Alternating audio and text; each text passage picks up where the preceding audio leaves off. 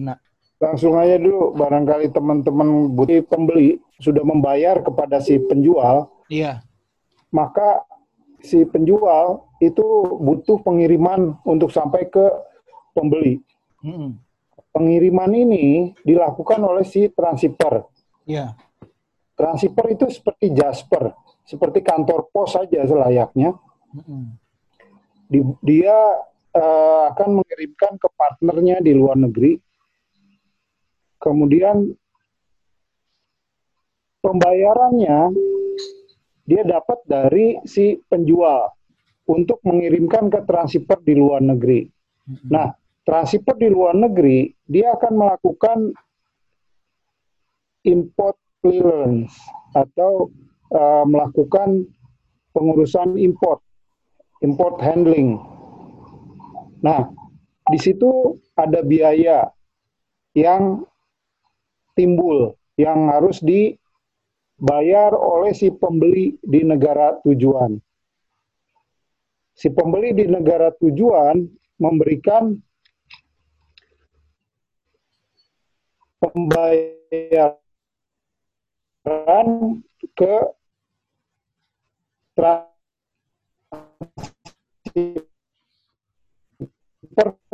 di negara tujuan termasuk ongkos kirim ke biaya yang dimintakan oleh penjual untuk mengirimkan ikan ke negaranya. Itu yang nanti dari penjual dibayarkan kepada transshippernya di Indonesia. Dalam hal ini JBG. Iya. Kemudian si pembeli juga akan membayar di negara tujuannya kepada transshipper di negara tujuannya. Jadi ada dua pembayaran ongkir. Biasanya si transip eh, si pembeli ini tidak mengerti dia bahwa dia harus membayar dua kali. Jadi wajib pembeli penjual memberitahukan bahwa dia harus membayar dua kali. Jangan bilang transip apa eh, ongkos kirim sudah termasuk. Nah, ini nanti cilaka karena pengertiannya bisa berbeda.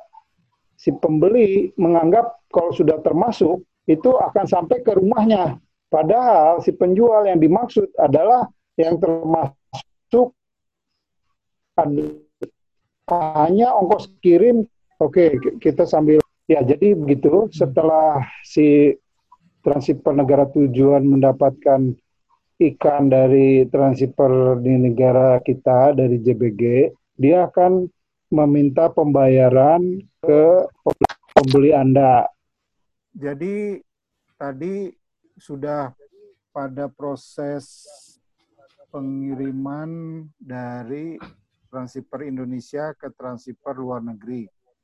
Dari sana ikan dikirim ke pembeli Anda setelah pembeli Anda membayar biaya import dan biaya ongkir ke alamat pembeli. Di situ proses selesai. Lanjut.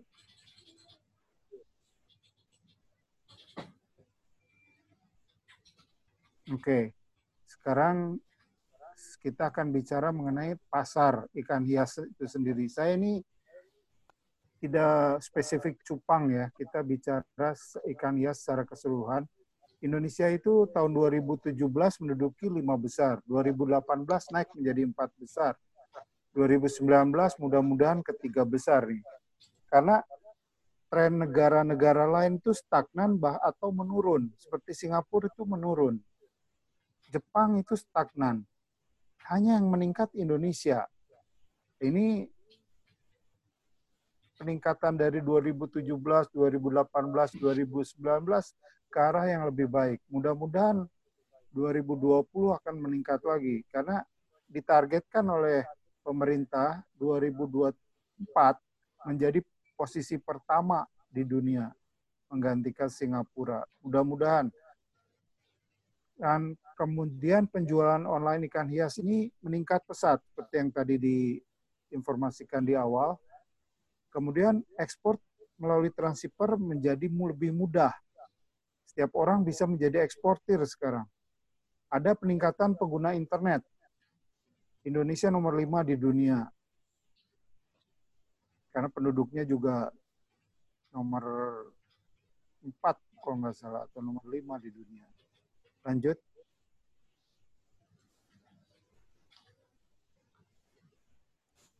Nah ini yang sering dijadikan pasar ikan hias kekinian. Ada media sosial, Facebook, Instagram, sekarang YouTube menjadi populer juga.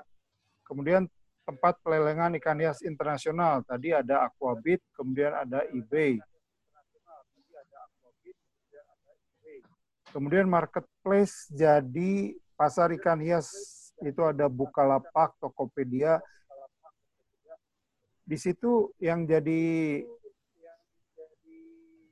main item sebetulnya bukan ikan hias, hanya kita menjual ikan hias di marketplace yang segala macam barang.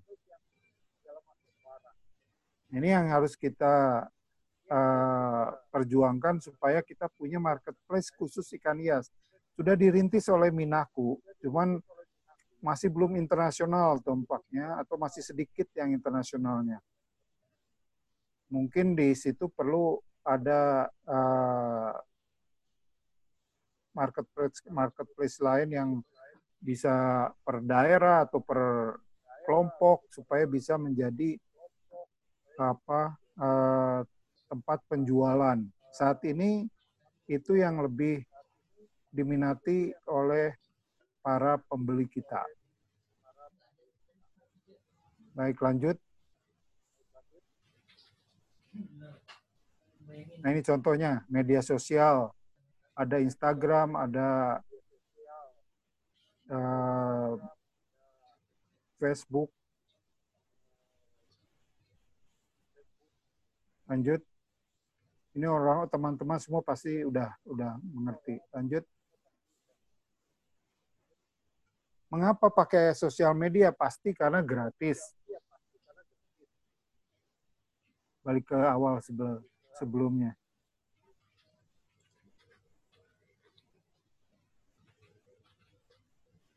Nah, tidak ada hambatan jarak dan waktu. Itu kita bisa 24 jam di media sosial.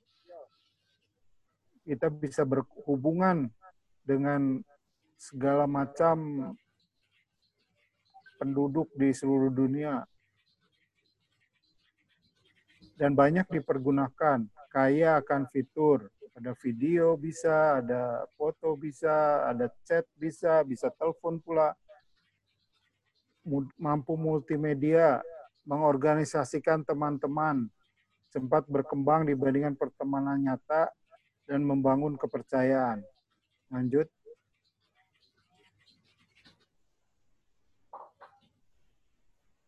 Ini tempat lelang ikan hias ada Aquabit. Aquabit ini dulu populer. Di situ kita bisa pajang ikan kita. Itu kategori-kategorinya macam-macam.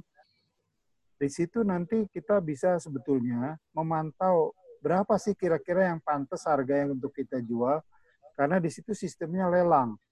Dan kita lihat pesaing-pesaing kita memulai harga open bid-nya pada level berapa jadi kita bisa pasang harga disesuaikan saja. Mungkin jangan terlalu jauh bedanya. Kalau terlalu jauh, katakan murah sekali, orang nggak akan mau karena ongkos kirimnya aja mahal. Jadi nggak masuk akal nanti. Lebih baik harga standar-standar saja. Mungkin murah sedikit lah, 2 dolar, 3 dolar oke. Okay tapi kalau separuh lebih itu akan tanda tanya orang bukan karena murah malah orang beli, tapi malah dia sanksi. Bener nggak orang ini berjualan gitu. Jadi wajar-wajar saja. Di sini orang yang menjual di Aquabit umumnya penjualannya banyak di uh, offline. Artinya dia pajang ikan di situ, orang menghubungi, menanyakan ikan-ikan lain, tapi yang dibeli belum tentu yang dipajang. Nah, itu yang disebut penjualannya bukan offline ya, apa namanya? online tapi tidak off dari Aqua, Aquabit. Jadi bukan dipajang di Aquabit. Pengalaman saya demikian dulu.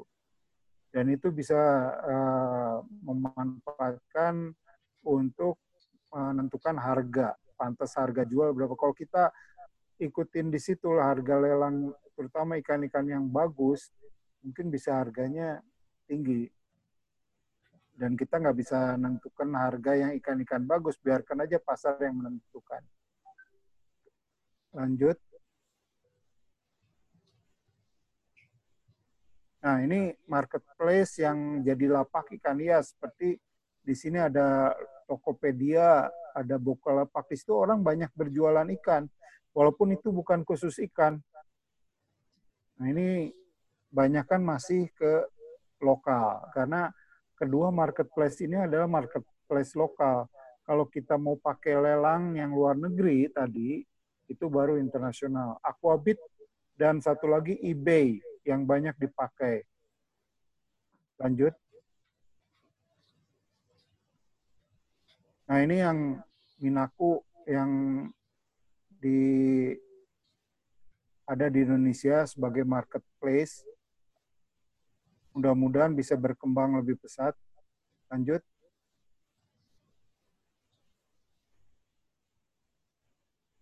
Jualan online, keuntungannya ketersediaan online, efisiensi waktu, prosesnya murah. Kita nggak usah buka toko, nggak usah sewa tempat. Ini murah sekali. Target pasar pun luas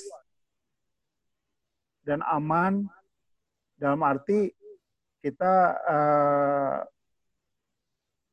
harus juga menjaga uh, apa namanya ya? Karena di dunia maya kita bisa bisa bisa kena tipu misalnya. Jadi aman dalam hal ini kita harus membuat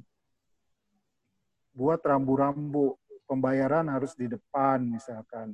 Itu untuk menjaga keamanan. Kemudian privacy, kita bisa tidak diketahui identitas kita untuk berjualan. Tetapi cukup misalnya toko kita dikenal, nama kita belum tentu dikenal karena kita mungkin ingin menjaga privasi bisa di situ. Kerugian, barang tidak terlihat jelas. Jadi kita harus betul-betul menampilkan supaya produk kita itu bisa dilihat secara lebih detail. Video mungkin bisa membantu. Kemudian keterlibatan berbagai pihak ini ada tadi kita mau menjual kepada pembeli, kita harus lewat transfer, kita harus melalui uh, pihak uh, penyedia jasa keuangan, nggak terima langsung keuangan apa terima langsung dari pembeli, tapi melalui jasa seperti PayPal dan lainnya. Mendistribusikan barang yang perlu waktu, ya ini proses pengiriman ini membutuhkan waktu paling cepat satu dua hari, tapi bisa satu minggu.